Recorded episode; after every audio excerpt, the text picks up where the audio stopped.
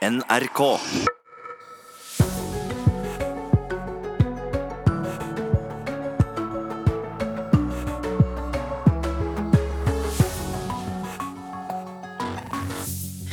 Donald Trump inviterer Vladimir Putin til Washington til høsten, melder Det hvite hus, men etterretningssjefen i USA sier han ikke er informert.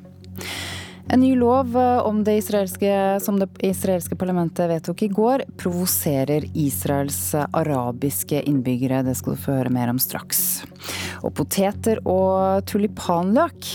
Nå er det mange kreative løsninger på hvordan man kan skaffe mat til tørkerammede husdyr. Ja, dette er noen av temaene i Nyhetsmorgen i dag. Jeg heter Ida Creed. Men først skal vi til eh, Midt-Sverige, for der er skogbrannene ute av kontroll. Det verst rammede området er eh, Gävleborgslen, eh, der flere har måttet evakuere hjemmene sine. Det svenske forsvaret, rundt 500 frivillige og italienske brannslukningsfly hjelper det svenske brannvesenet. Og reporter Lars Hægeland, du er i Jusdal i Gävleborg. Hvordan ser det ut der du er nå?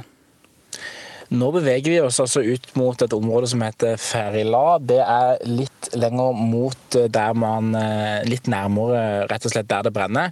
Eh, foreløpig, så mens vi kjører utover her, så ser vi et eh, grått teppe av røyk som har lagt seg opp mot horisonten av trærne her, og, og, og minner oss på at vi er på vei inn i et område hvor det brenner. Og man kjenner også en eim, sterk eim av røyk, som vi også har ligget kjent på faktisk hotellrommet i, i hele natt.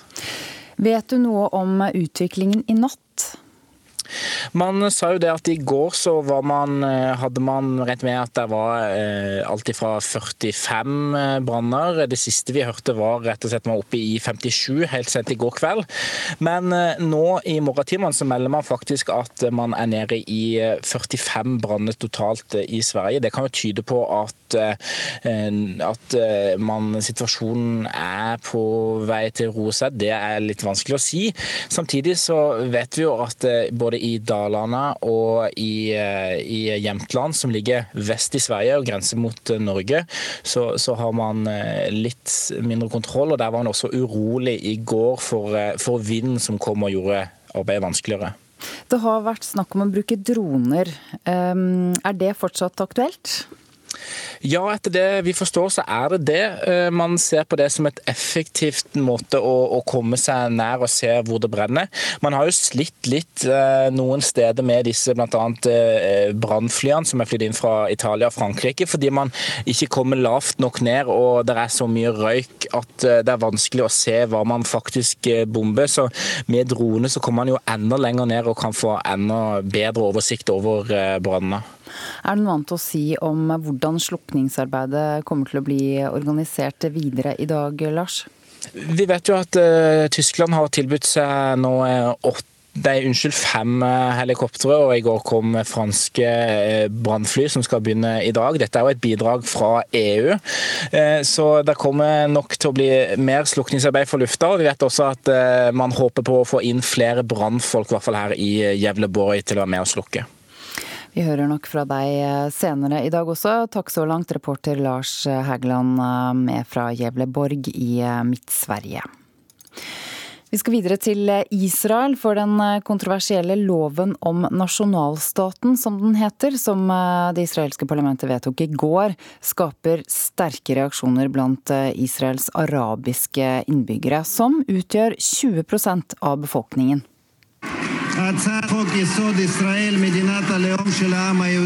Loven om Israel som nasjonalstat for det jødiske folk er vedtatt, sa parlamentspresident Julie Edelstein, som er født i Ukraina. Siden hver femte israelske statsborger er ikke-jødisk, har loven vært kritisert fra mange hold. Da Israel ble opprettet i 1948, ble rundt 156 000 palestinere ufrivillig en del av staten Israel. Det var arabere som hadde bodd i området i mange generasjoner. Og de ble værende, mens 750 000 andre palestinere ble fordrevet. I dag utgjør de og deres etterkommere Israels største minoritet, de palestinske israelerne. Da Israels første statsminister, David Ben-Gurion, leste opp uavhengighetserklæringen i 1948, sa han Staten Israel vil sikre full sosial og politisk likhet og samme rettigheter for alle sine innbyggere, uavhengig av religion, rase eller kjønn. Men i går ble Ben Gurions ord visket ut. Den nye loven slår fast at Israel først og fremst er en stat for jøder, at hebraisk er Israels eneste offisielle språk, mens arabisk nå nedgraderes til et språk med spesiell status. Israel vil dessuten jobbe for å øke og utvide jødiske bosetninger. Motstanderne mot loven protesterte kraftig i Knesset i går. Og de mest høylytte var parlamentarikerne fra Israels arabiske partier, som rev i stykker lovforslaget. Og lederen for arabernes fellesliste i Knesset, Ayman Oda, tok med seg et svart flagg på talerstolen. Dette er en ond lov, og et svart flagg veier over den, sa Oda, som er fra Haifa. Statsminister Netanyahu banket det inn igjen.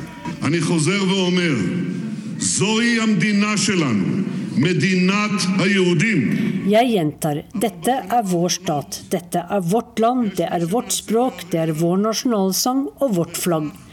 Den palestinske folkevalgte Ahmed Tibi var opprørt. Loven er hatkriminalitet som helt og fullt diskriminerer de arabiske statsborgerne, sa Tibi til Reuters.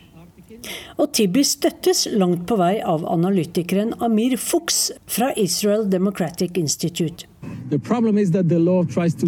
Problemet er at loven endrer balansen mellom Israel som en demokratisk stat og Israel som en jødisk stat.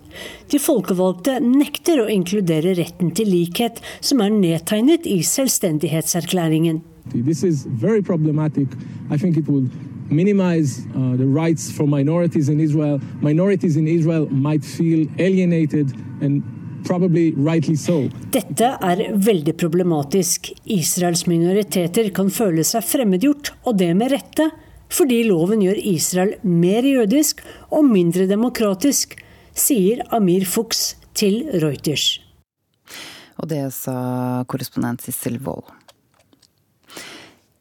Mens eh, tørken her i Sør-Norge biter seg fast, eh, blir situasjonen mer og mer alvorlig for bøndene og dyrene deres. Samtidig kommer det kreative forslag til eh, hva som kan brukes som dyrefôr, som det da er mangel på. Thomas Lysand driver et stort gartneri i Os i Hordaland og tilbyr rester fra blomsterproduksjonen sin som fôr. Når vi pakker tulipanbuketter, så skjærer vi av løken. Og da, den løken som er igjen, den går ut på et avfallsbånd og blir kjørt bort som organisk avfall. Tørken og mangelen på fôr til husdyr i Sør-Norge har gjort inntrykk også på gartnerieieren i Os sør for Bergen. Og jeg ser jo rundt meg at det vokser jo dårlig med gras her òg, Tulipanløk kan brukes som innblanding i annet dyrefôr.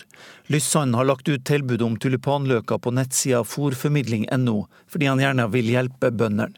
Det er bare eh, en tanke om at bøndene kanskje kunne, kunne ha nytte av det. Det er jo litt bonde i meg òg. Jeg er jo gartner og nesten i samme bransje. I sesongen fra oktober til april er Lyssand en av landets største tulipanprodusenter, og har store mengder tulipanløk å gi bort. Det er egentlig kjempemasse. Det er kanskje en 40 fots container for dagen i sesong. I 20 tonn for dagen. Også Frode Gundersen, som dørker potet i Rygge i Østfold, vil hjelpe husdyrbøndene. Han har 10-12 tonn med ferdig vaska, utsorterte poteter stående på kjølelager. De kan ikke selges i butikkene, men han selger gjerne belly som dyrefôr. Ja, det er mange grønnsaksbønder som har uh, utsorterte varer av både gulrot og andre grønnsaker. Så jeg er sikker på at hvis alle tenker seg om, så kan det sikkert bidra litt. Har du erfaring fra tidligere med potet til fôr? Ja da, vi har levert eh, til, eh, til kubønder tidligere som har brukt det som eh, appetittfôring. Og tilbakemeldingen er at kuene er veldig glad i det. Felleskjøpet opplever samtidig stor interesse for sine nettsider for formidling av halm. Der kan kornbønder med halm komme i kontakt med husdyrbønder som sårt trenger å kjøpe. Men foreløpig er det langt flere som vil kjøpe enn det er selgere av halm. Rune Smidesang på Fåvang i Gudbrandsdalen driver med kjøttfe. Han sier at det var en lettelse å få en avtale om å kjøpe 100 rundballer med halm fra en kornbonde på Skarnes i Hedmark. Ja, absolutt det, er mye hyggeligere å reise på ferie nå og vite eh, at det er fôr å få tak i. Da, eh, da kan du slappe til å være litt roligere. Og så, og så driver vi også med kjøttfe og Herford, og der fungerer det jo ganske bra å fôre med, med ammoniakkhalm. Eh, kanskje litt verre for den som driver med mjølkeku. for at eh, Mjølkeku har jo litt eh, krav til litt, litt bedre fôring enn det kjøttfe har. Da. Reporter Kjartan Rørslett. Er du en av dem som har lagt merke til at du har innboksen full av e-poster som ehm, spør om du vil oppdatere brukervilkår? I dag trer EUs nye personvernregler eh, i kraft i Norge. Og Derfor har vi med direktør i Datatilsynet, Bjørn Erik Thon. Ehm, hva går de nye reglene ut på? Eh, ja, Disse reglene kan vi si er bygd på fire ja, vi kan gjerne kalle det for pilarer. Eh, det ene er det at eh, vi forbrukere skal få flere rettigheter. En av de grunnene til at vi får disse e-postene, som du sier, det er jo nettopp for at vi skal bli klar over den muligheten vi har til å si nei, at vi skal velge å si ja osv. Eh, det andre er at eh, virksomhetene også pålegges større plikter. Eh, de skal vurdere mer hva dataene skal brukes til, vurdere hvor lenge de skal lagre dataene. De skal ha bedre oversikt ikke minst over hva slags data de har om oss forbrukere. Og De siste to tingene det går på at vi skal samarbeide mer i Europa mellom datatilsyn for å slå ned på ulovlig bruk av personopplysninger. Og Det siste er at det blir høyere bøter. Eh, I dag så kan vi i Datatilsynet skrive ut såkalt overtredelsesgebyr, som det heter da, eh, på ca. 930 000 kroner. Eh, men nå kan det bli på mange titalls millioner, faktisk helt opp til 4% av global omsetning til et selskap. Og dere i Datatilsynet er sikkert glad for at dere nå får større muskler? Det er selvfølgelig viktig at vi kan sette makt bak kravene, og at vi kan slå ned på ulovlig bruk av personopplysninger. Eh, men nå skal vi ikke overdrive det som går på overtredelsesgebyret, for det finnes veldig mange andre nye verktøy som vi får, og også andre ting som virksomhetene får, som også skal sikre etterlevelse av dette regelverket. Hva slags eh, verktøy er det? Nei, det er f.eks. så oppfordrer SVI og også virksomhetene til at det utarbeides eh, såkalte bransjenormer eh, for hvordan hver enkelt bransje skal behandle data. Det kan f.eks. være at finansbransjen sier at sånn og sånn og sånn gjør det hos oss. Så lenge tar vi vare på dataene, sånn og sånn skal vi bruke det, osv. Idretten kan gjøre det samme, andre frivillige organisasjoner kan gjøre det samme, kommunesektoren kan gjøre det samme, helsesektoren kan gjøre det samme. Så det blir en slags presisering av regelverket, som selvfølgelig kommer til å føre til at etterleves i veldig mye mye større grad, for da er det forankra på en god måte i hver enkelt bransje. Har... Eh, så, så ja, kom igjen. Dette har jo vært en stor jobb for eh, alle bedriftene da, i Norge. Eh, hvordan har du inntrykk av at det har gått? Det har vært overveldende hvor stor interesse det har blitt om dette regelverket. Vi har jo holdt på med dette nå i ganske mange år. og Spesielt de siste to årene så har vi sett at interessen blant næringsdrivende og blant offentlige virksomheter også har vært helt, helt overveldende. Eh, det er klart det er en god del, kanskje særlig små og mellomstore bedrifter, som nok sliter litt med å kanskje forstå regelverket, eh, kanskje vite helt hvordan de skal gjøre ting. Men hovedinntrykket mitt er at interessen og viljen til å gjøre dette riktig er helt overveldende stor, og at veldig mange nå også ser på dette på en måte som en slags ny start. For det er jo mange som har tatt vare på masse data, men de har også tatt vare på masse data som de ikke trenger. Eh, og hvis du skal lage gode persontilpassa tjenester, gode produkter som, hvor de bruker personopplysningene våre, så må jo dataene være presise og gode. Eh, og det tror jeg mange også har benyttet anledningen til å få ryddet skikkelig opp. Hvis man ikke vil at personopplysningene sine skal lagres, hva gjør man da? Man kan ikke i dag bestemme at ingen av personopplysningene sine kan lagres. Eh, for det å dele data med selskaper, det er en helt nødvendig del av det å være en forbruker og en borger i dag. Eh, og hvis du skal få tjenester tilbake, så må du dele data. Men du har mye større kontroll på hvordan dataene skal brukes i dag. Den kontrollen den begynner egentlig med noe virksomhetene selv skal gjøre, nemlig at de skal ha bedre oversikt over hva slags data de har om kundene sine. De skal rett og slett lage store protokoller hvor det står vi har den type data, vi bruker det til det og det, vi lagrer det så og så lenge. og Dette er den juridiske hjemmelen for, for, å ha det. Eh, I tillegg så innføres det, eller skjerpes også, noen av de rettighetene som vi har i dag. Bl.a. en rett til å bli glemt, som det heter. Det betyr til å få data slettet. Eh, vi kan i noe større grad enn tilfellet er i dag også motsette oss å bli profilert, altså at man lager personprofiler på oss.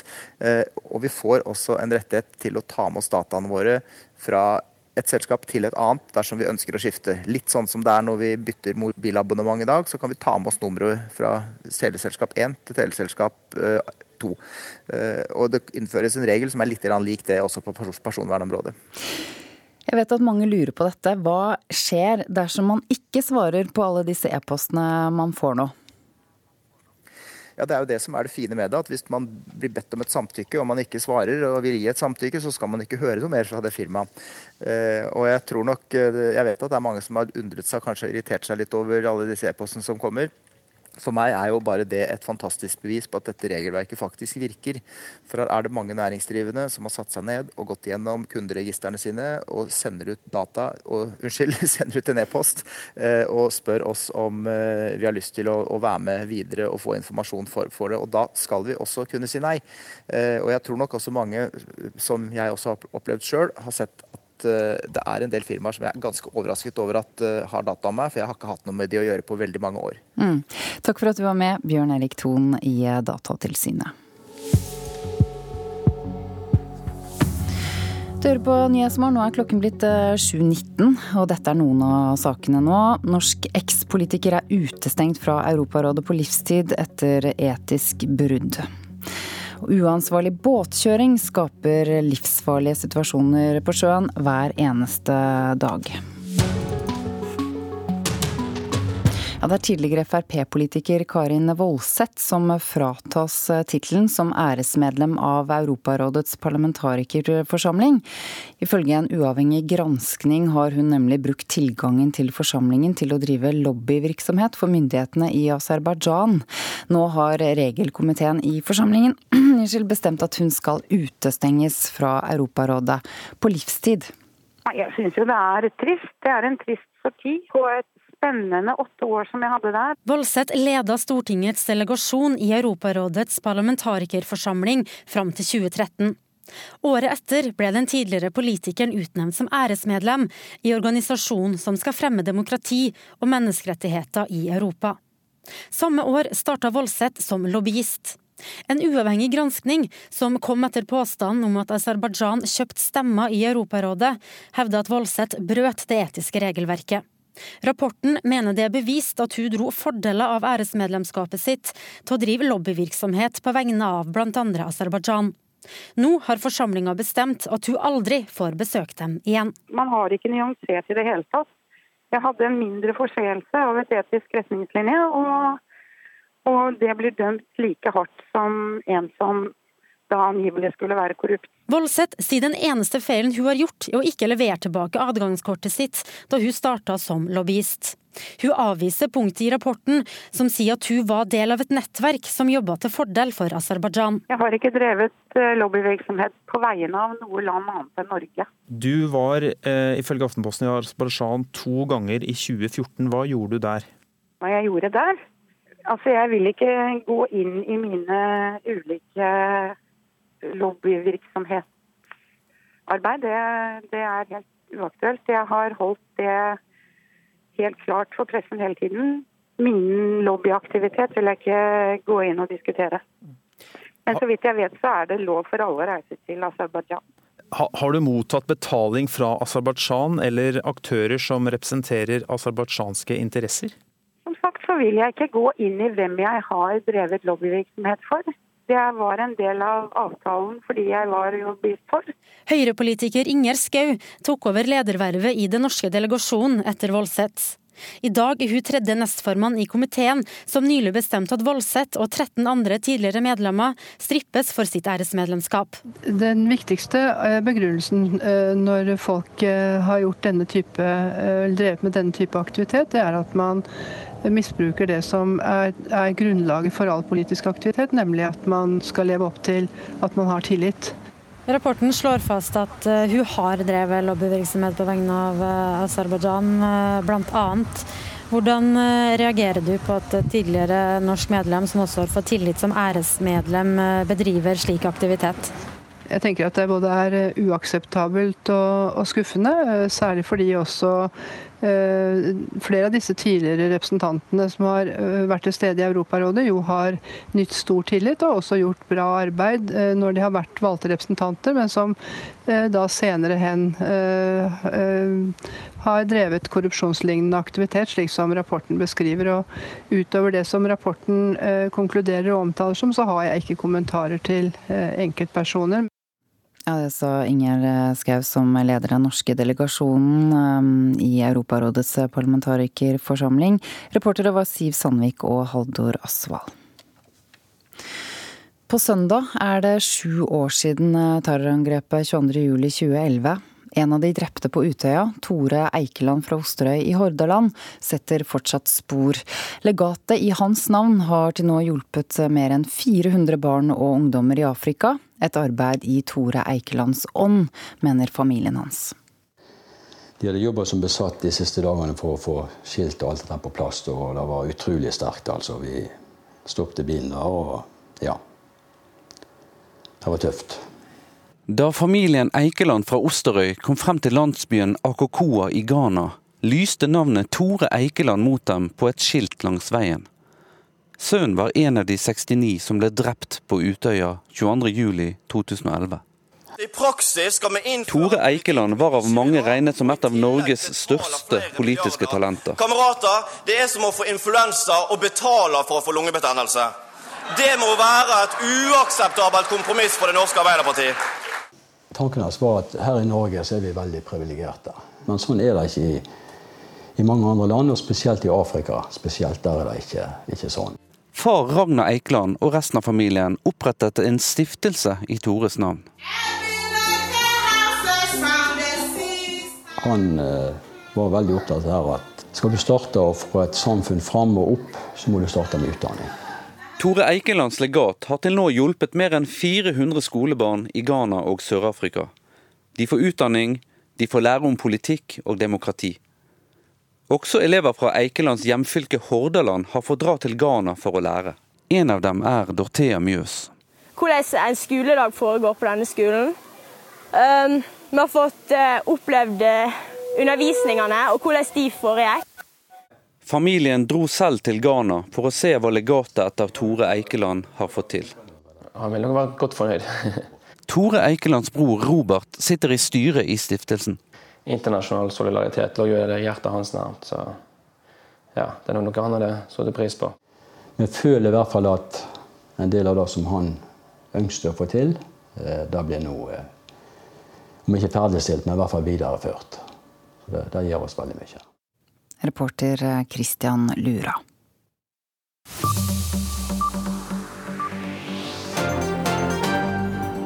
Dette skjedde mens du sov. Donald Trump sier han vil invitere Vladimir Putin til USA. Den amerikanske etterretningssjefen sier han ikke er informert om dette. Dette skjer altså bare dager etter alt bråket rundt toppmøtet i Helsingfors som var på mandag. Og Det russiske utenriksdepartementet har nå byttet profilbilde på Twitter til et bilde av studenten Maria Butina, som er siktet for spionasje i USA. På det nye profilbildet til departementet står det 'Free Maria Butina'. De ber altså om at eh, spionen løslates. Og minst åtte mennesker har drukna og flere er sendt til sykehus etter ei båtulykke på Table Rock Lake i Missouri, USA. Det melder NBC News. Her hjemme kjørte en motorsykkel i natt rett inn i en av bilene til utrykningspolitiet i Vesterålen i Nordland, etter å ha blitt forsøkt stanset i en fartskontroll.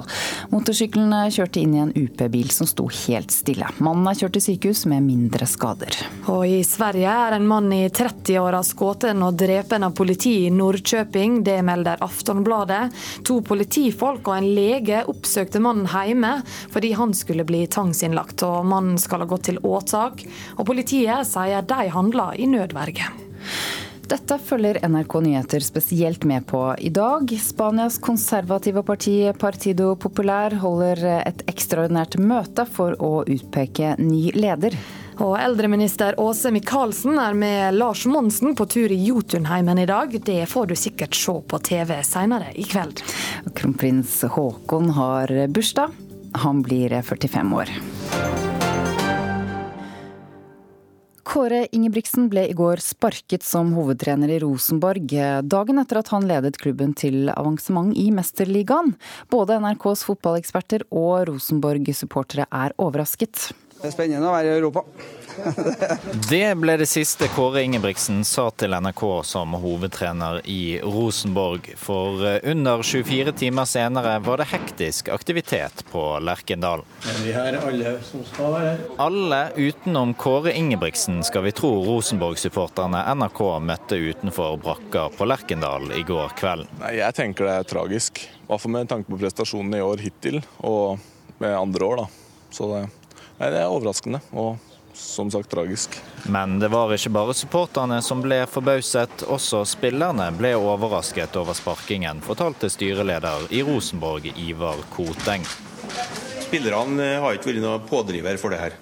Det her er først og fremst styret som har vært pådriver for at det skjer. Jeg må si at jeg syns timingen er litt, eh, litt rar. Det sier NRKs fotballekspert Carl Erik Torp. Også Morten Morrisbakk Skjønsberg mener at tidspunktet for oppsigelsen er oppsiktsvekkende. Eh, nå klarte de å ta seg videre, eh, riktignok ikke på en overbevisende måte, men likevel.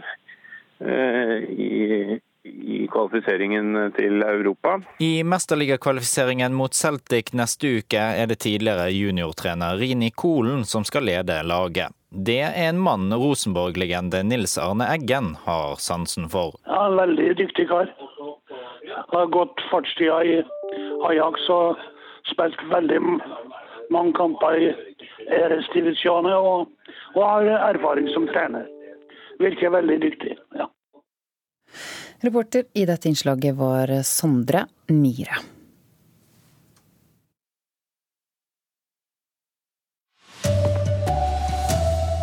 Flere skogbranner ute av kontroll i Sverige. Poteter og tulipanløk. Flere kreative forslag til hvordan en kan skaffe mat til tørkeramma husdyr. Og Trump inviterer Putin til USA. Etterretningssjefen tror ikke sine egne ører. Her er NRK Dagsnytt, klokka er 7.30. Flere av skogbrannene i Midt-Sverige er fremdeles ute av kontroll. Det verste ramma området er Gävleborgslän, og flere har vært nødt til å evakuere heimene sine der. Det svenske forsvaret, rundt 500 frivillige og italienske brannslukkingsfly hjelper det svenske brannvesenet. Og reporter Lars Hægeland, du er i Ljusdal i Gävleborg. Hvordan er situasjonen der du er nå? Nå står jeg midt i en skolegård i Færila skole, som er ei lita bygd i Jusdal kommune. Her ligger altså røyken så tett at vi ser klart kun en 30 meter foran oss før det begynner å bli helt grålig. Og her er lukta altså så sterk at eh, det er på grensa til ubehagelig. Eh, man vet jo også at man har meldt om at eh, her har man klart å, å holde litt mer kontroll på brannene enn det ser ut til at man har resten av landet. Man melder også mindre spredning her i Gävleborg nå i løpet av natta. Og Det har vært snakk om å bruke droner. Er det fremdeles aktuelt? Det er litt usikkert hvor aktuelt eh, det faktisk er, men det er jo klart at droner klarer jo å komme mye tettere på brannen. Man klarer å komme lenger ned. Man har jo hatt litt problemer i går med at eh, disse flyene som var oppe i lufta, bl.a. hadde problemer med å se helt klart hva de, hva de bomba på bakken med vann. Og Hvordan eh, forbereder mannskapene seg på dagen i dag? Nå har de satt opp en eh, foreløpig kommandosentral her i Ferila. Her, de, disse kommandosentralene flytter seg stadig for man blir tatt igjen av brannen. Men man forbereder nå ny vannbombing med de franske flyene som kom i går. Og man ønsker også å sette inn flere brannmenn i slukningsarbeidet her på bakken i Gjevleborg. Tusen takk for at du var med oss fra Ljusdal i Gjevleborg, reporter Lars Hægeland. Medan tørken i Sør-Norge biter seg fast, blir situasjonen stadig mer alvorlig for bøndene og dyra deres. På samme tid kommer det kreative forslag til hva som kan bli brukt som dyrefôr. Thomas Lysand driver et stort gartneri i Os i Hordaland, og tilbyr rester fra blomsterproduksjonen som fôr. Når vi pakker tulipanbuketter, så skjærer vi av eh, løken. og da den løken som er igjen, den går ut på et avfallsbånd og blir kjørt bort som organisk avfall. Tørken og mangelen på fôr til husdyr i Sør-Norge har gjort inntrykk også på gartnerieieren i Os sør for Bergen. Og jeg ser jo rundt meg at det vokser jo dårlig med gras her også. Tulipanløk kan brukes som innblanding i annet dyrefôr. En tanke om at bøndene kanskje kunne, kunne ha nytte av det. I sesongen fra oktober til april er Lyssand en av landets største tulipanprodusenter, og har store mengder tulipanløk å gi bort. Det er egentlig kjempemasse. Det er i 20 tonn for dagen. Også Frode Gundersen, som dørker potet i Rygge i Østfold, vil hjelpe husdyrbøndene. Han har 10-12 tonn med ferdig vaska, utsorterte poteter stående på kjølelager. De kan ikke selges i butikkene, men han selger gjerne belly som dyrefôr. Og tilbakemeldingen er at kundene er veldig glad i det. Felleskjøpet opplever samtidig stor interesse for sine nettsider for formidling av halm. Der kan kornbønder med halm komme i kontakt med husdyrbønder som sårt trenger å kjøpe. Rune Smidesang på Fåvang i Gudbrandsdalen driver med kjøttfe.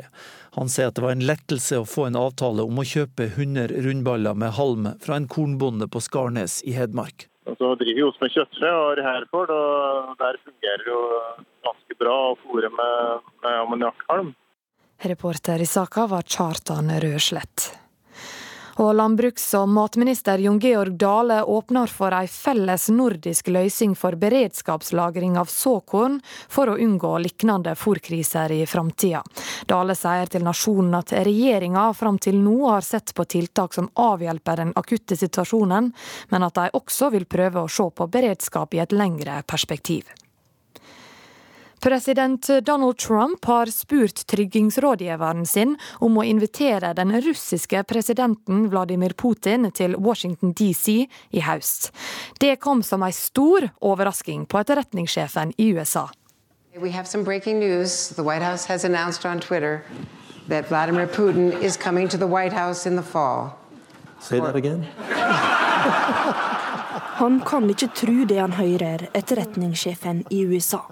Vladimir Putin coming Did I hear to the... you? Did I hear you? Yeah, yeah. That's going to be special. Dette blir spesielt, sier Coates, som ikke var informert om invitasjonen da han deltok på en tryggingskonferanse i Aspen i går. Det er Trump som vil invitere Putin til USA. Han påpeker hvor viktig det er med et godt forhold til Russland. Getting along with President Putin, getting along with Russia is a positive, not a negative. Now, with that being said, if that doesn't work out, I'll be the worst enemy he's ever had. Samtidig sier Trump at dersom de to ikke går overens, da blir han Putins verste fiende. Trump har fått mye kritikk for ikke å ha vært tøffere mot Putin under møtet i Helsingfors på mandag. Så langt vet en lite om hva de to presidentene snakka om på tomannshånd. The Senate needs to know what happened behind closed doors. Does anyone believe he was tougher on Putin in secret? Det spør lederen for demokratene i senatet, Chuck Schumer. Han mener at Trump og Putin ikke bør møtes alene, før det blir klart hva de to snakker om. You can't assume anything but that as weak as he was in public before President Putin, he was even worse in private. Why else did he not want anyone in the room? Reporter Marte Halsør. Tidligere Frp-politiker Karin Woldseth blir fratatt tittelen som æresmedlem av Europarådets parlamentarikerforsamling. Ifølge ei uavhengig gransking har hun brukt tilgangen til forsamlinga til å drive lobbyvirksomhet for diktaturet Aserbajdsjan. Nå har regelkomiteen i forsamlinga bestemt at hun skal bli utestengt fra Europarådet på livstid. Det kom òg andre kundegrupper. Jeg syns jo det er trist. Det er en trist. Voldseth leda Stortingets delegasjon i Europarådets parlamentarikerforsamling fram til 2013. Året etter ble den tidligere politikeren utnevnt som æresmedlem i organisasjonen som skal fremme demokrati og menneskerettigheter i Europa. Samme år starta Voldseth som lobbyist. En uavhengig granskning som kom etter påstanden om at Aserbajdsjan kjøpte stemmer i Europarådet, hevder at Voldseth brøt det etiske regelverket. Rapporten mener det er bevist at hun dro fordeler av æresmedlemskapet sitt til å drive lobbyvirksomhet på vegne av bl.a. Aserbajdsjan. Nå har forsamlinga bestemt at hun aldri får besøkt dem igjen. Jeg hadde en mindre forseelse av et etisk retningslinje, og det blir dømt like hardt som en som da angivelig skulle være korrupt. Voldseth sier den eneste feilen hun har gjort, er å ikke levere tilbake adgangskortet sitt da hun starta som lobbyist. Hun avviser punktet i rapporten som sier at hun var del av et nettverk som jobba til fordel for Aserbajdsjan. Jeg har ikke drevet eh, lobbyvirksomhet på vegne av noe land annet enn Norge. Har du mottatt betaling fra Aserbajdsjan eller aktører som representerer aserbajdsjanske interesser? Som sagt så vil jeg ikke gå inn i hvem jeg har drevet lobbyvirksomhet for. Det var en del av avtalen fordi jeg var jo blitt for. Høyrepolitiker Inger Skau tok over ledervervet i den norske delegasjonen etter Voldseth. I dag er hun tredje nestformann i komiteen, som nylig bestemte at Voldseth og 13 andre tidligere medlemmer strippes for sitt æresmedlemskap. Den viktigste eh, begrunnelsen eh, når folk eh, har drevet med denne type aktivitet, det er at man misbruker det som er, er grunnlaget for all politisk aktivitet, nemlig at man skal leve opp til at man har tillit. Det sa Ingjerd Skau, og reportere i saka var Siv Sandvik og Haldor Asvald. Tallet på kredittkort gikk opp med 7% i Norge i 2017, og en viktig årsak er at flere vil sikre seg bonuspoeng på flyturer og andre varer. Derfor er det også flere som skifter ut det tradisjonelle bankkortet og bruker kredittkort til daglige innkjøp for å få fordelene som kredittselskapene tilbyr. Konserndirektør for kommunikasjon i SR Bank, Tor Christian Haugland, advarer mot denne utviklinga. Det kommer òg andre kundegrupper som føler at dette er spennende, når de ser eh, naboen hente ut eh, bonuspoeng som de kan bruke eh, til en tur eksempelvis til USA. Og så har denne personen ikke like stor oversikt, og dermed havner de på etterskudd. Og det er jo der inntjeningen i neste omgang ligger for et kredittkortselskap. Og mer om denne saka får du i Nyhetsmorgen i P2 og Alltid nyheter nå straks. Ansvarlig for NRK Dagsnytt i dag, Marianne Løkkevik. I studio, Ragnhild Vartdal.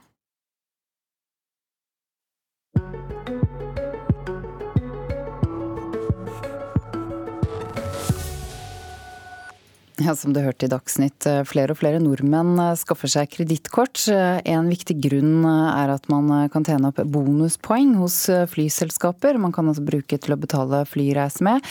Ulempen er fare for betalingsproblemer for folk som ikke har skikkelig oversikt, mener Sparebank1 SR-Bank. Det kredittkortet vi bruker mest, det er jo da Norwegian-kortet. Det koster oss ingenting, og vi tjener poeng på det.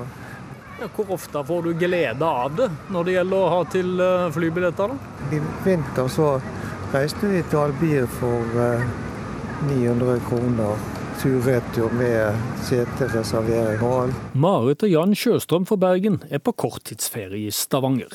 De bruker bare kredittkort når de handler. Og det samme det gjelder langt på vei Jørgen Stenløk, som er på vei gjennom Søragata i sentrum av byen. Flybilletter og litt sånn praktisk og greit, det er jo litt sånn samme som, som vanlig bankkort. Men du tenker ikke at du plutselig sitter med en svær regning der? Ja, Det er bare å betale, da. Så Ja, Det er ikke alltid så enkelt, det, da? Nei, bruker måte, da. Ja, har du noe for eksempel med bonuspoeng? Ja, det er klart. Det har jo litt sånn nå. Så det er jo klart det er òg et pluss. Fra 2016 til i fjor søker tallet på kredittkort i Norge med 7% Nordmenn handla for 336 milliarder kroner på disse kortene i 2017, også det ny rekord med god margin. Flere folk finner ut at kredittkorta gir større fordeler enn de tradisjonelle debetbankkorta, sier Andreas Sandvold, produktsjef for betaling i SR-Bank. Vi kan definitivt si at en av de store driverne der er de som eh, er bonusjegere. I tillegg til statistikk fra Norges Bank har også SR-Bank andre kilder som understøtter tendensen. Det sier konserndirektør for kommunikasjon Tor Christian Haugland. Det får vi òg bekrefta når vi snakker med kunder som har den type kredittkort. Så er de helt bevisste at de skal samle bonuspoeng for å kunne oppnå en fordel som ligger lengre frem i veien. Det typiske med bonusjegerne slik de har vært som gruppe inntil nå, det er dette mennesket med kontroll på økonomien sin, sier Haugland. Våre undersøkelser, og da har vi jo snakket med mange av disse kundene, tyder på at de er veldig bevisste. Men det er jo klart at det er jo ingen lønnsomhet for et kredittkortselskap å ha bare denne type kunder. For noen må jo betale regningen. Og det er her at Haugland i SR-Bank frykter at det vil skje endring i tida framover. At flere vil oppdage fordelene som kredittkortbruken, på rett måte vel å merke, kan gi. Og Dermed så er det jo sånn at det kommer òg selvfølgelig inn andre kundegrupper, kanskje i større og større grad, som føler at dette er spennende, når de ser eh, naboen hente ut eh, bonuspoeng som de kan bruke eh, til en tur eksempelvis til USA. Og så har denne personen ikke like stor oversikt, og dermed havner de på etterskudd. Og det er jo der inntjeningen i neste omgang ligger for et kredittkortselskap. Men for Marit og Jan Sjøstrøm sin del, så er ikke de uroa for å miste kontrollen. De betaler det de skulle hver måned, og så er det bare å dra ut på nye eventyr. Vi kom med kystbussen fra Bergen. Og betalte med? Med kredittkort. Vi kjøpte hotell, og i morgen skal vi ut til Flor og Fjære, og det har vi òg kjøpt med Norwegian-kortet. Reporter eh, Ingvald Nordmark. Uansvarlig og hensynsløs båtkjøring rundt store skip skaper livsfarlige situasjoner på sjøen. Det fine været i sommer har eh, jo lokket flere båtfolk ut på vannet. Og losformann ved Brevik losstasjon, Ole Kristian Rønningen, ber nå båtførerne være mer forsiktige. Han jobber i et av de mest trafikkerte farvannene i landet, og loser gasstankere og store lasteskip i trange farvann inn til tungindustrien i Grenland i Telemark. Han sier denne sommeren har vært spesiell på mange måter. Sånn som nå i sommer, med det fine været vi har hatt og den, det store trafikkbildet, så eh, bruker vi jo fløyta om bord i båtene stort sett hver eneste dag. Hvor sterkt signal er det når du bruker den fløyta? Da er det såpass sterkt signal at eh, personene i småbåtene bør reagere med en gang. For da bør de forstå det, at eh, her gjør jeg deg oppmerksom på det at jeg kan ikke svinge, du må holde deg unna. Reporter Solfrid Leirgul Øverbø.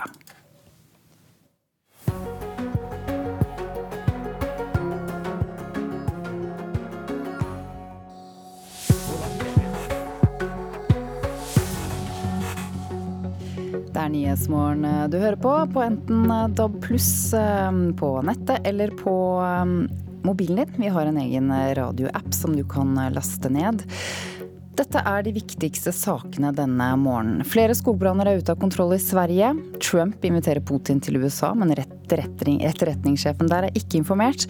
Og en ny lov som det israelske parlamentet vedtok i går, provoserer israelske mm, innbyggere, og da særlig de arabiske innbyggerne.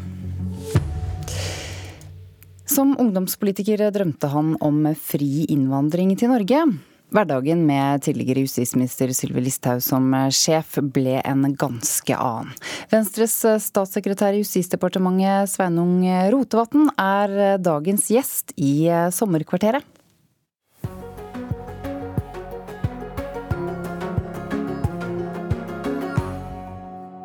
Hvor lang ferie tar du? Jeg tar ferie hele juli. Hvor ofte kommer du til å sjekke jobbmailen når du er på ferie? det er ikke sikkert å gjøre hver dag, tenker jeg. Sånn har det blitt. Og er det greit å gå med shorts på jobben?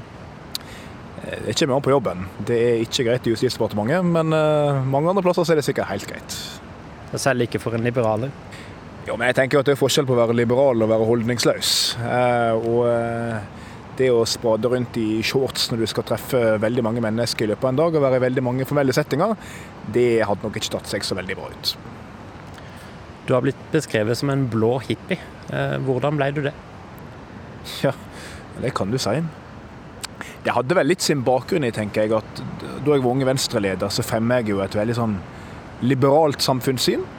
Og det vil jo medføre at du er liberal både i, i verdispørsmål, enn slik mange av disse hippiene jo var og tidvis er.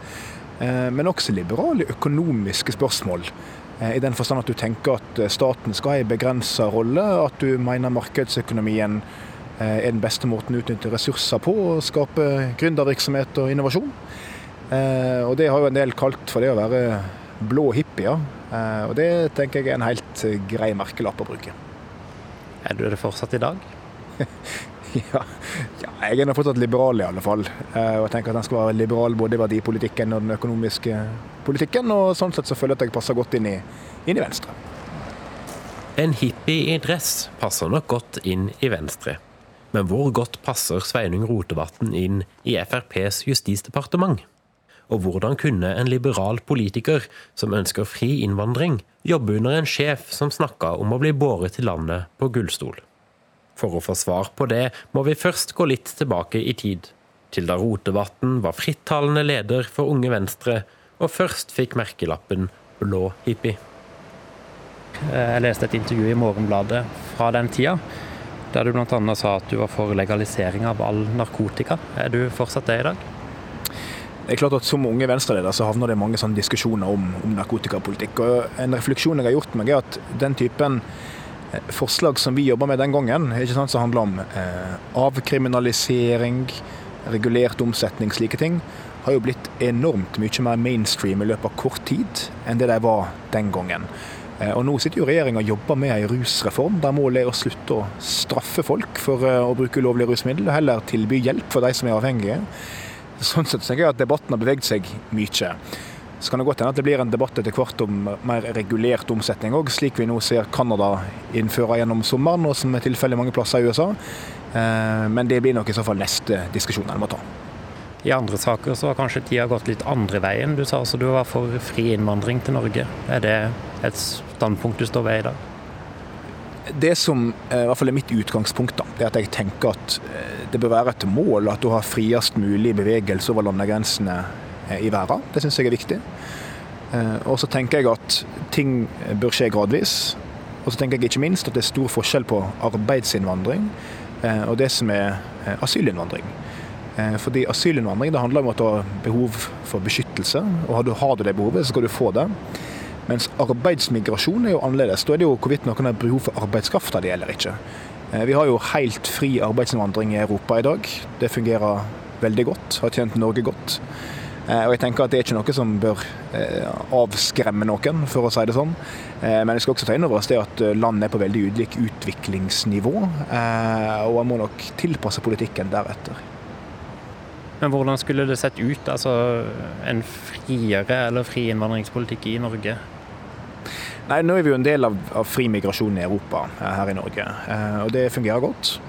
Eh, og så tenker jeg at Når spørsmålet handler om resten av verden, så mener jeg i alle fall at det burde bli enklere å komme hit og jobbe. Jeg syns det er for vanskelig for folk som kommer og er dyktige, ønska faglærte fra Argentina, fra Canada, fra India. Det er for vanskelig for dem, det er for mye papirarbeid å kunne komme til Norge og jobbe. Det bør en gjøre mer liberalt, syns jeg. Samtidig så skal vi være obs på det at det er en del som f.eks. misbruker asylinstituttet, eh, som ikke har behov for beskyttelse. Eh, og det skal ikke han ha noe av. Så jeg tenker at de må ha en nyansert tilnærming til ting ut ifra hva som er eh, motivasjonen din for å emigrere. Da du ble statssekretær her, så var Sylvi Listhaug sjefen din. Hvordan var det å ha disse standpunktene med henne som sjef? Det er klart at det var, eh, og er, eh, ganske stor politisk avstand mellom eh, Venstre og Frp. Og dermed også mellom meg og Sylvi Listhaug. Og det er selvfølgelig noe som setter seg preg på hverdagen, samtidig som vi jo jobber med en felles regjeringsplattform gjennomfører felles politikk.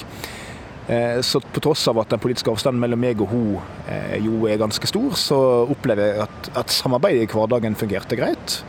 Eh, og det opplever jeg også at det gjør nå, med Tor Mikkel Wara som justisminister. Da du begynte, så var det mange som tolka det som at Venstre ville ha ei vaktbikkje for Sylvi Listhaug. Stemmer det?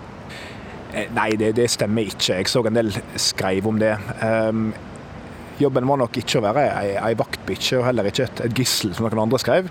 Men det er rett og slett at en erkjenner at på justisfeltet så er alle tre regjeringspartiene eh, vi får si alle tre er veldig opptatt av det. Eh, og det er masse politikk på justisfeltet som har kima til konflikt i seg. Det handler om innvandring, selvfølgelig, men det handler også om altså, personvern, eh, politibevæpning eh, og andre spørsmål det har vært mye krangling om. Og Da har vi sett det slik at det er en fordel at alle de tre regjeringspartiene er til stede i det departementet, slik at vi klarer å eh, luke ut en del uenigheter før de blir for store. og at en klarer å stå sammen om en felles politikk. Og Derfor er både Høyre, Venstre og Frp i det departementet. Og det må jeg si etter et halvt år at det har fungert godt. Sett utenfra så kan en jo tro at du står nærmere Tor Mikkel Wara politisk enn Listhaug, selv om de kommer fra samme parti. Har, har det endra seg etter at han ble statsråd? Altså, Tor Mikkel Wara og Sylvi Listhaug har jo eh, Jeg skal ikke karakterisere dem for mye, men jeg, jeg, får vel si det sånn at de har litt ulik stil. Det, det vil jeg si. Eh, samtidig så er det jo slik at de begge to eh, har vært justisministre på den samme politiske plattformen, nemlig Jeløya-erklæringa. Og jeg har opplevd at begge de to har jobba samvittighetsfullt for å gjennomføre den.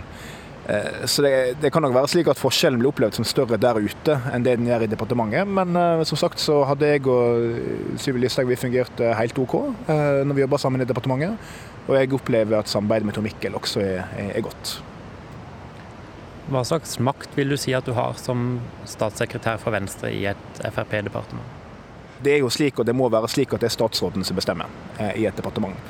Eh, så min rolle her er jo å gi min vurdering av spørsmål, gi mine råd. Eh, og så er det opp til statsråden om han vil lytte på deg eller ikke. Men i det norske regjeringsapparatet så er det jo slik at statssekretærer har en god del innflytelse. Ganske enkelt for derfor delegert en god del oppgaver fra statsråden. Eh, departementene er så store, og det ansvaret en forvalter er så stort at det er veldig vanskelig for en statsråd å gå inn i alt i detalj. Og Da blir det nok slik i hverdagen at veldig mye av det praktiske oppfølgingsarbeidet skjer eh, av oss som er statssekretærer. Og I det så ligger det selvfølgelig en stor mulighet til å påvirke eh, samfunnet. Og Det er jo derfor jeg driver med politikk, for å kunne påvirke samfunnet. Har det endra Venstre å være i regjering? Det har ikke endra Venstre politisk. Vi har gått til valg på et program, og det jobber vi fortsatt for. Men det har jo endra måten vi jobber på. Fordi at vi kom jo fra en situasjon der vi absolutt hadde makt, men en annen type makt. Vi satt på vippemakta i Stortinget. Og da har du ganske mye innflytelse til å liksom påvirke det endelige resultatet, når det først er lagt fram et forslag. Den makta vi har nå, den går mer på å trykke på alle knappene før det. Hva saker skal du legge fram, hva utvalg skal du sette ned, hva skal være regjeringa sin posisjon. Og jeg merker jo at det er en ny måte å jobbe på for hele partiorganisasjonen. Våre tillitsvalgte må finne en annen måte å påvirke på, men det opplever jeg at de er flinke til. Eh, og jeg må jo si at eh, det å kunne påvirke og styre debatter slik vi nå gjør fra regjeringsposisjon, eh, det gir en stor innflytelse på samfunnet, og ikke minst en stor innflytelse på det som skjer på Stortinget. Så er vi selvfølgelig klar over at vi er en mindretallsregjering. Vi kan ikke få gjennom alt vi legger fram. Men vi får gjennom det aller meste av det vi legger fram. Og i det så tror jeg at partiet trives godt. Men nå er KrF alene i den vippeposisjonen og er i mange saker de som får det siste ordet. Har dere fått mer makt med å gå inn i regjering, eller bare en annen type makt? Vi har fått en annen type makt, ehm, men jeg vil nok, jeg vil nok si også mer makt, eh, faktisk. Det er selvfølgelig makt vanskelig å kvantifisere, men eh, da vi satt på Stortinget som et vippeparti, så ja, vi kunne påvirke det endelige utfallet i mange saker, slik KrF kan nå, men ikke i alle. Av og til så søkte jo Høyre og Frp flertall med Arbeiderpartiet, flertall med Senterpartiet. Um, mens nå så må jo vi og Høyre og Frp stå sammen i alt. Så alt denne regjeringa legger fram, står Venstre inne for og har hatt makt til å påvirke. Så det betyr at vi samla sett nå er med å styre helheten mye bedre enn det vi kunne da vi satt i en vippeposisjon, og ja, kunne ha stor innflytelse i enkeltsaker, men der vi ble forbigått i andre. Så jeg må si at jeg syns vi setter mer venstrepreg på politikken, og dermed mer venstrepreg på samfunnet nå, enn det vi gjorde i forrige stortingsperiode. Da vi snakka med deg i fjor sommer, så sa du at du hadde drømmejobben. Da var du stortingsrepresentant for Venstre. Savner du det? ja, på mange måter gjør jeg jo det. Eh, det å være på Stortinget er en veldig sånn fri rolle. Du kan mene mye om mange ulike ting, og du jobber veldig selvstendig. Eh, og ikke minst så har du jo muligheten til å snakke på Stortingets talerstol, som eh, jo fyller en litt med ærefrykt hver gang. En skjønner at det er viktig det en gjør. Men det er jaggu noen fordeler med å være i departementet òg. Altså, nå sitter jeg mye tettere på saker gjennom hele løpet, ikke bare på slutten av livsløpet. Eh, og så har jeg masse flinke folk som jobber for meg. Ikke sant? På Stortinget så er du jo veldig alene, mens her så har du masse flinke embetsfolk til å hjelpe deg til å organisere hverdagen, til å finne fram politiske fakta og forhistorie. Eh, og ikke minst så kan du styre kalenderen litt mer sjøl. På Stortinget så er du veldig sånn satt i det at du må være på stedet, til stede eh, tidlig om morgenen for å sette møte, og så er det debatter gjennom dagen, og så vet du aldri helt når du må votere, men da må du være der. Så det å takke ja til å ta ulike møter, debatter, reise rundt i landet, det er mye vanskeligere som stortingsrepresentant. Mens jeg har en mye større fleksibilitet da, til å planlegge dagen min sjøl. Og på det rent personlige plan så er jo det selvfølgelig en stor fordel. Hvis vi snakker om eh, stortingsvalg og, makt for så vidt morgenen etter stortingsvalget, så visste du fortsatt ikke om du ble værende der eller ikke, og det endte med at du ikke ble gjenvalgt. Kan du beskrive hvordan det døgnet og de timene var? Ja, det, det, kan jeg for så vidt. Jeg var forberedt på at det, det, var veldig sånn uvisst det jeg gikk inn i. Fordi jeg satt på Stortinget for et fylke som bare har tre faste mandat på Stortinget, pluss et utjevningsmandat. Eh, og Det betyr at eh, har du en oppslutning som er under ca. 15 ja, så er det det utjevningsmandatet du er med og kjemper om. Og Der er det veldig mange faktorer som påvirker. Så jeg visste at det kunne gå i alle retninger. Eh, det viser seg til slutt at vi mangla 151 stemmer eh, for at jeg skulle få det mandatet, gjenvinne det. Det sier jo noe om at hver stemme teller, tenker jeg. Det skal en være klar over. Eh, men det ble litt for få for meg den gangen her. Og det var jeg selvsagt veldig skuffa over. Eh, fordi jeg trivdes godt på Stortinget og var innstilt på videre innsats for Sogn og Fjordane. Slik skulle det ikke bli. Så jeg måtte jo da snu meg rundt og ta fatt på det jeg trodde var mitt nye liv. Så jeg satte i gang og skrev den masteroppgaven jeg ikke hadde fått skrevet i juss. Eh, tok ferdig juristutdannelsen. Fikk meg jobb i et advokatfirma. Eh, og noen få uker ut i det arbeidslivet der, så kom det en telefon om jeg kunne tenke meg å være statssekretær. Og Det er jo en sånn mulighet som en ikke kan gå fra seg, så jeg takka jo ja til det. Så jeg er glad for å være tilbake og nå jobbe med politikk. Men det er jo på en litt annen måte enn slik det var jeg jobba da jeg var stortingsrepresentant for eh, Sogn og Fjordane. Men jeg trives godt, altså. Det, det gjør jeg. Men var du klar for å legge politikken bak deg? Nei, Jeg var ikke klar for å legge politikken helt bak meg. Altså, jeg hadde jo lyst til å være med og engasjere meg i Venstre fortsatt, og det hadde jeg tenkt å gjøre. Men eh, jeg var forberedt på at jeg ikke lenger skulle være heltidspolitiker, og at jeg eh, måtte gjøre, et, eh, gjøre eh, litt andre valg. Eh, og jeg så for så vidt fram til det òg. Altså, det er jo mange fordeler med å ikke være heltidspolitiker, for å si det sånn. Men når muligheten nå kom om å gå inn i regjeringsapparatet, så takker jeg ja til den. altså. Og Jeg har ikke angra på det. Det har vært veldig givende, eh, veldig lærerikt. Eh, og jeg eh, gleder meg til å fortsette. Ja, reporter Hans Kåsså Eide hadde snakket med statssekretær i Justisdepartementet Sveinung Rotevatn fra Venstre.